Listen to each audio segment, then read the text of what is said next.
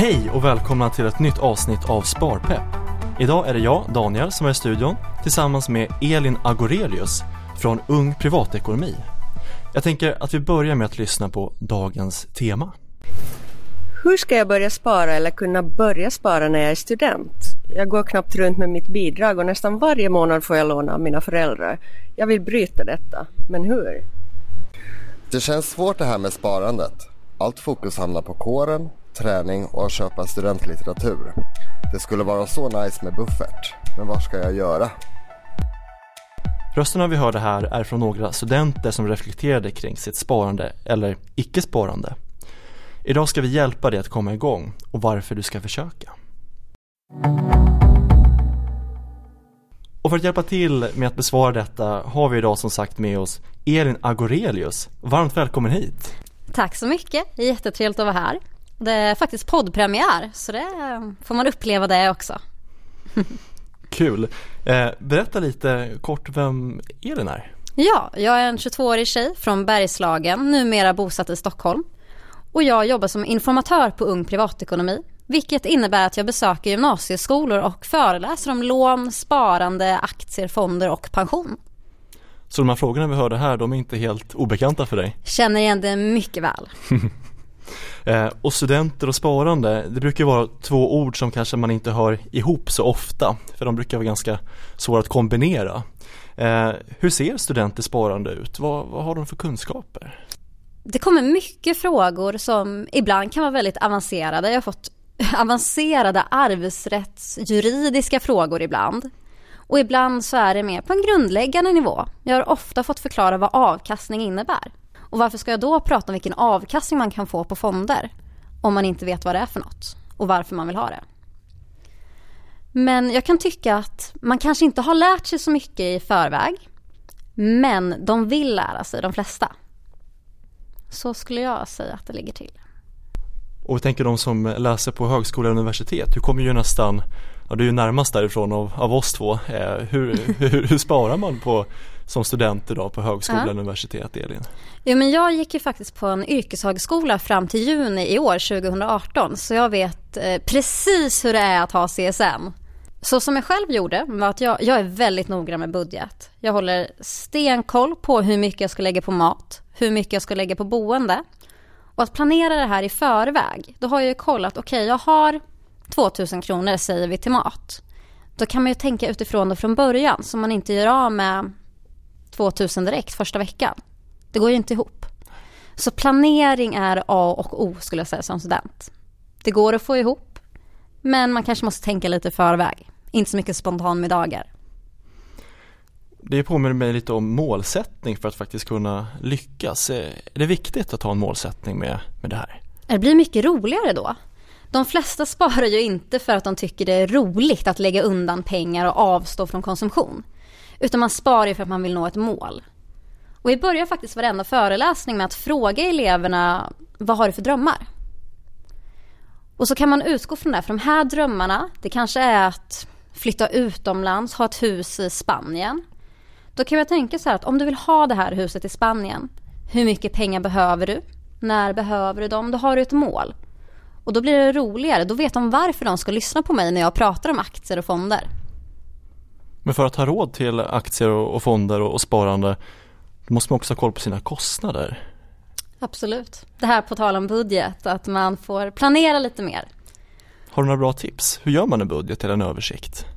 Det jag gjorde när jag flyttade hemifrån, det var ganska tidigt, jag, jag var bara 17 då. Då gjorde jag så att jag gick in på mitt bankkonto helt enkelt, Nordea faktiskt. och så kikade jag vad jag hade lagt pengar på den senaste månaden.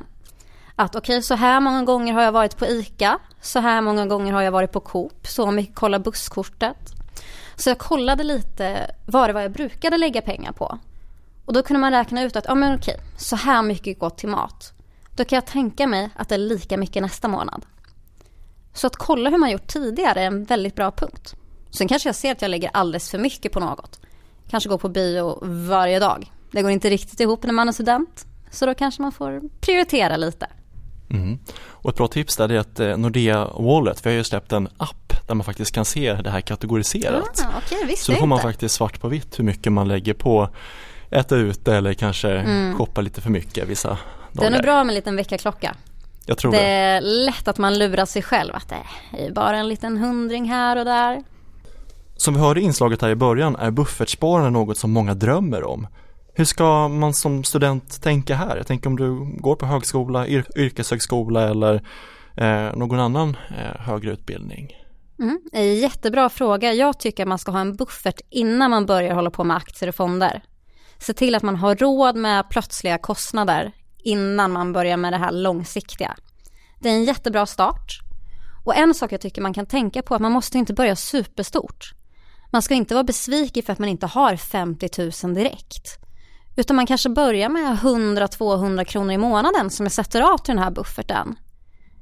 Det är ju bra mycket mer än inget. Man måste inte ha de här stora summorna direkt. Utan börja med den som passar just din ekonomi. Och ta det gradvis. Och jag tycker det är kul att sätta upp en plan. Att till december ska jag ha så här mycket. Vad kan jag göra för att få ihop det? Tävla lite, det tycker alla om. Har du provat det här själv? Ja, ja, men jag sätter upp mål liksom för eh, det här året vill man uppnå det. Till den månaden vill jag uppnå det. det gör det till en lek. Ekonomi måste ju verkligen inte vara tråkigt. Är det viktigt med delmål i det här? För mig personligen så är det För om man sätter ett stort mål, vi säger att man vill ha en miljon i aktieportföljen. Det känns ju jättelångt bort när man är student. Och det kanske det är också. Men om man då sätter upp det bit för bit när man kommit en fjärdedel, hälften. Då kan man ju fira lite där. Ta en glass eller något. Gå ut på bio och bara göra lite kul. Det är lite som när man ska träna en hund. Man belönar när de gör rätt. Träna sig själv som en hund, det funkar alltid. Lite där med positiv betingning för en själv. Helt klart. eh, för just, eh, för just buffertsparande, där kan det kännas ganska tråkigt i början när man ser att jag kanske kan få ihop 200 000 till en insats när jag är klar till en lägenhet mm. eller och det kommer in någon, tusenlapp då och då som man kanske måste röra på för att, eh, ja, som jag hörde studenten här, det börjar, ja, det sinar vissa månader i kassan. Ja, och det kan ju hända oväntade grejer. Jag vet att när jag gick i gymnasiet så hade jag ett extra jobb som en månad glömde bort att betala ut min lön. Så då följde det bort, då fick jag ta lite av mina sparpengar. Mm. Så det är sånt som kan hända. Mm. Eh, och just när man har förankrat både buffertsparandet och att man känner att man, ja, man har lite medel att röra sig med om någonting skulle hända. Då kanske man kan börja kika på det här långsiktiga sparandet. Precis, när man känner att man har lite, något att falla tillbaka på om cykeln blir stulen eller något, så mm. man känner att man klarar sig, då är det ju jätteroligt att kika på investeringar som, ja, aktier och fonder så kanske mer på 5, 10, 15 års sikt. Och det är du lite expert på. Ja, det där kan växa till så det blir riktigt mycket. Om man är bra. Men aktier, hur, hur börjar man som student? Där kan jag tipsa om Ung Privatekonomi. Vi har ju nämligen en bok som man kan läsa gratis på vår hemsida, ungprivatekonomi.se, som heter Få råd med dina drömmar. Där så har vi ett stort kapitel som handlar om aktier, där vi går igenom hur man gör en aktieanalys, hur man läser en bolagsrapport och allt det där. Men så som jag gjorde var att jag började mycket med att kika på de här mer kända aktiebolagen. Cloetta, jag älskar choklad. Så då kunde man kika på att de fanns, så då kunde man förankra det i verkligheten. H&M känner alla till också, att man kunde läsa på om de företagen. Inte att man måste investera i dem. Men det är något som man kan se och ta på och koppla till att okej, okay, köper folk riktigt mycket choklad, då kan de ju få en vinst. Då kan aktieägarna få en utdelning, att man förankrar det i verkligheten. Du började med bolag som du kände till? Eller ville kanske? Ja, ville började, kanske, läsa, ja. började läsa på om bolag jag känner till. Sen kanske inte investerade i dem. Men det var ju ett sätt att hitta aktieintresset. Mm. Och sen kan det vara så att jag hittar en intressant aktie som jag inte känner till i nuläget. Då kan jag faktiskt läsa på. Bara för att jag inte känner till den idag betyder inte att jag inte känner till den imorgon. Om man har registrerat sig för höstterminen här och känner att ja, men jag vill nog veta mer om det här på skolan. Hur gör jag då? Man kan ju kolla om det finns, det finns ofta föreningar för börsrum och aktieintresserade på de här olika skolorna över hela landet egentligen, oavsett vilken skola det är. Så jag tänkte kolla med din skola helt enkelt. Har vi något? Och om ni inte har det så kan ju faktiskt man starta det ofta ta reda på hur man startar en skolförening och bara köra, samla ihop ett gäng och ha kul. Så stäm av med din studentkår och se om ni har något. Absolut, och om det inte finns så skapa det. Men hur tog Elin första steget och trycka på köpknappen? Jag började lyssna mycket på poddar faktiskt. Det, jag lyssnar väldigt mycket på poddar. Jag följer faktiskt 30 stycken ekonomipoddar i nuläget. Lite extrem, kanske. Det här är en av de poddarna. Men det var mitt sätt. Jag gillade att lyssna medan jag gjorde andra saker. Jag pendlade, jag satt mycket på bussen. Om då lyssnade jag på en podd. En del gillar att läsa bloggar. Det finns jättemycket ekonomibloggar, det finns tidningar. Allt möjligt. Det finns videoklipp på Youtube och så vidare. Och om du gillar att titta på videos, då finns det. Gillar du att läsa så finns det. Och vill du lyssna, ja, då finns det också. Och du spelar väl också in lite videoklipp med din sparkjol? Precis, nu var det ett tag sedan jag gjorde en ny video men jag har en YouTube-kanal som heter Sparkjolen. Och det namnet det kommer från motsatsen till spenderarbyxan. Såklart. Och där är det lite mer grundläggande. Vad är skillnaden mellan en aktie och en aktiefond? Och sådana där grejer. Men om man nu ska komma igång att spara i aktier eller kanske rättare sagt investera i aktier. Eh, hur ska man börja? Jag tänker courtage är ju ett ord som ofta kommer upp och där är ju Ja, mm. för att lite reklam för Nordea så har vi Nordea Investor som har väldigt låg courtage faktiskt att, eh, för det är en kostnad som kan bli ganska eh, ja, det kan belasta ganska mycket kring, kring ditt sparande. Och det kan ju vara en liten tröskel för att börja också. För om man tänker att det är väldigt höga avgifter för att börja, då vill man inte börja med en mindre summa. Så när det är lite lägre, då kan man faktiskt börja med en summa som känns mer bekväm. Jag gjorde så att när jag köpte mina första aktier, då satte jag in 500 kronor. Det var ju ingen enorm summa, men jag ville bara testa på riktigt. Köpte en aktie. Mm. Bara för att se hur det funkar. Även om man fortsatte läsa på och lära sig mer, då fick man lite ja, praktisk kunskap. Man kunde se om det ökade och minskade. Det blev inga enorma skillnader för mig rent ekonomiskt av den här 500-lappen. Men det blev väldiga skillnader i kunskapen. Mm. För då blev man ju mer intresserad. Mm. Började lyssna på ekonominyheterna och allt det där. Det var ju spännande på ett helt annat sätt. Så testa på.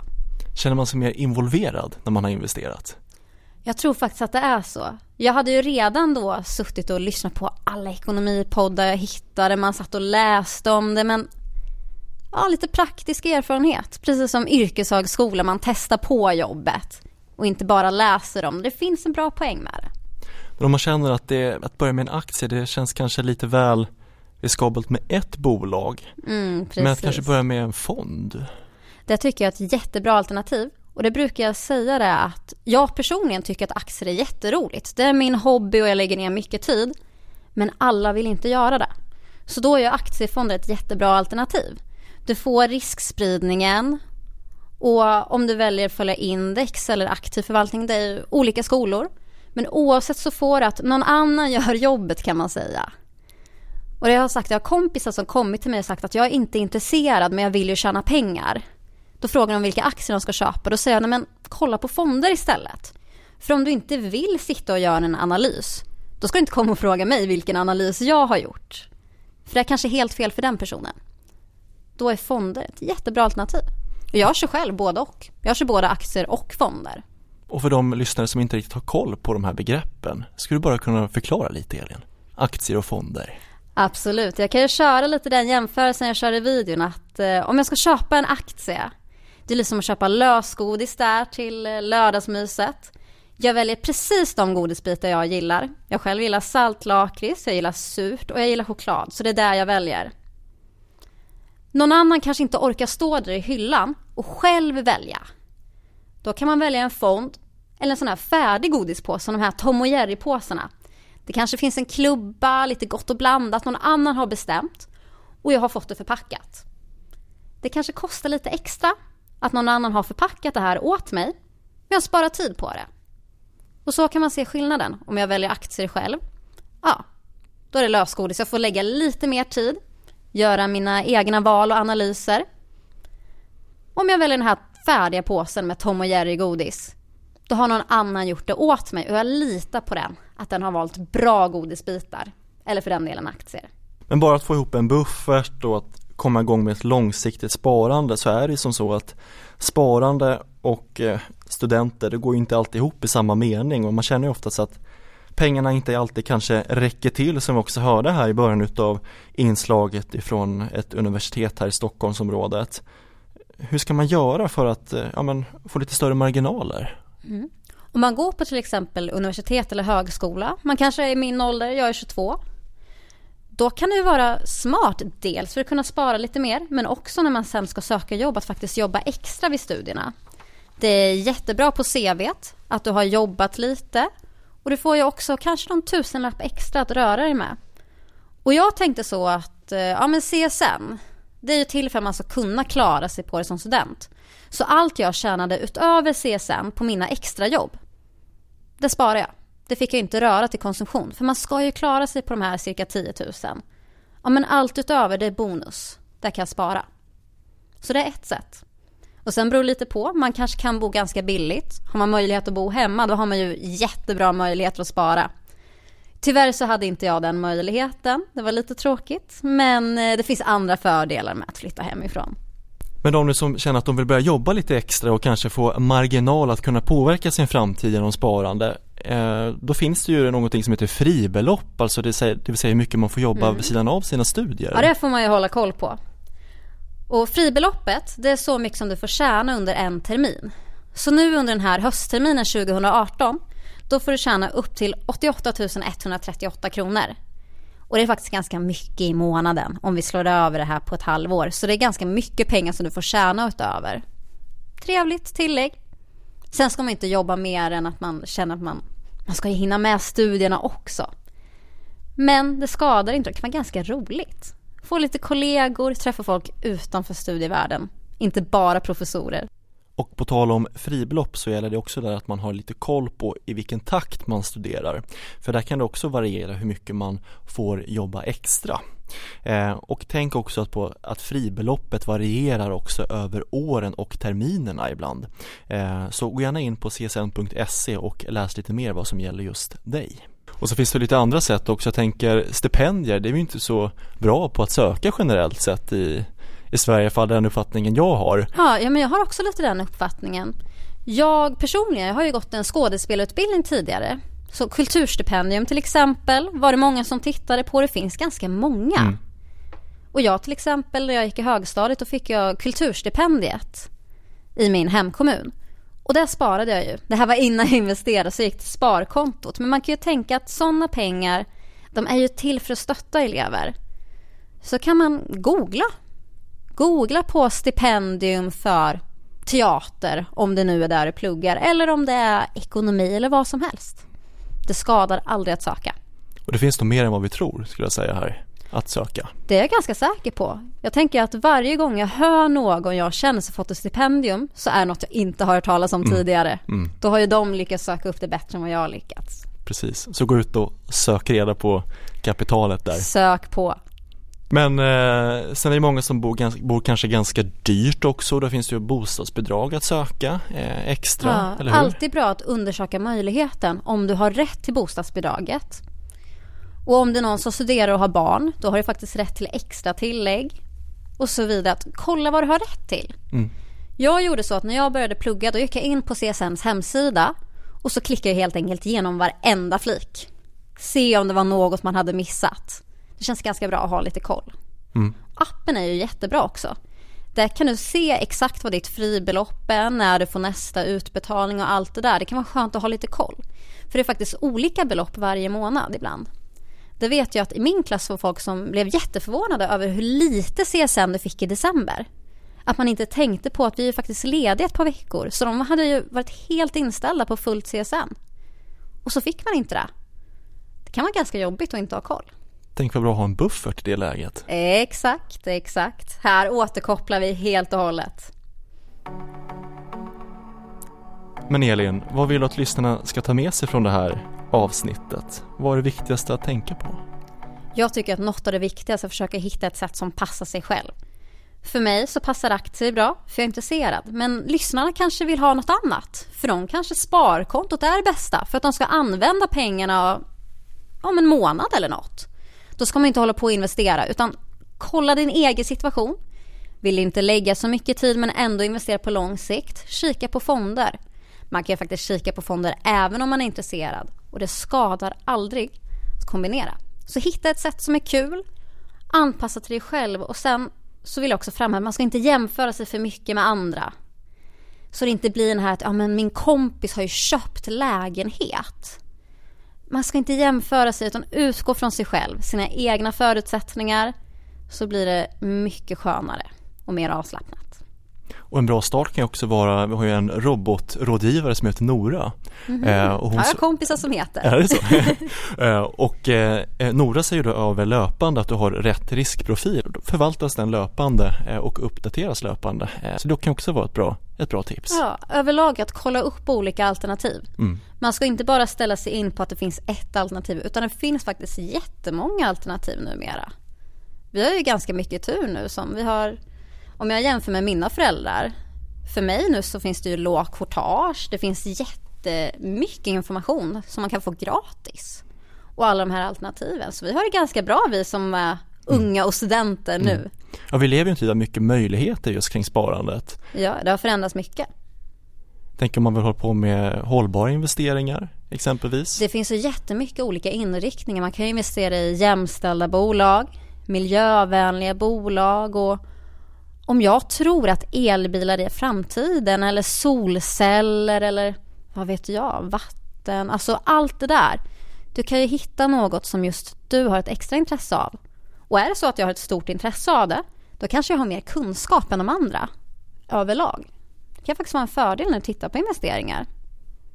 Och kanske till och med jobba lite extra på något av de här bolagen man är extra intresserad av. Ja, det vore ju väldigt coolt. Nu har inte jag tyvärr jobbat på något av mina innehav, men man vet aldrig. Men de kanske inte fått köpa aktier hur som helst heller. Kanske bättre att hålla sig utanför. Vi säger så. Ja. Elin, vad gör dig sparpepp? Prata med andra intresserade människor är väldigt roligt. Som jag till exempel brukar gå på Unga Aktiesparares fika och sådana grejer. Jätteroligt att träffa andra som är lika nördiga när man kan sitta och prata sparkvot utan att någon sitter och suckar underbart. och eh, med det så tackar jag Elin Agorelius för att du kom till Sparpepp och gästade oss i det här avsnittet för studenter, och hur vi kan möjliggöra dem att de får spara och hitta egen potential. Ja, tack så mycket, det var jättetrevligt. Är du studerande eller ska du börja studera? Ja, då kan du faktiskt bli studentkund på Nordea. Allt du behöver göra är att se till att din CSN-insättning kommer in på ett Nordea personkonto och hör av dig till oss så registrerar vi dig som studentkund. För som student i Nordea så får du Nordeas vardagspaket med de vanligaste banktjänsterna kostnadsfritt. Tack för att du har lyssnat på det här avsnittet utav Sparpepp. Vill du veta mer? Besök gärna nordea.se och glöm inte att prenumerera på vårt nyhetsbrev på investor.nordea.se. Har du förslag på teman eller gäster som ni vill höra i podden? Mejla till sparpepp nordea.se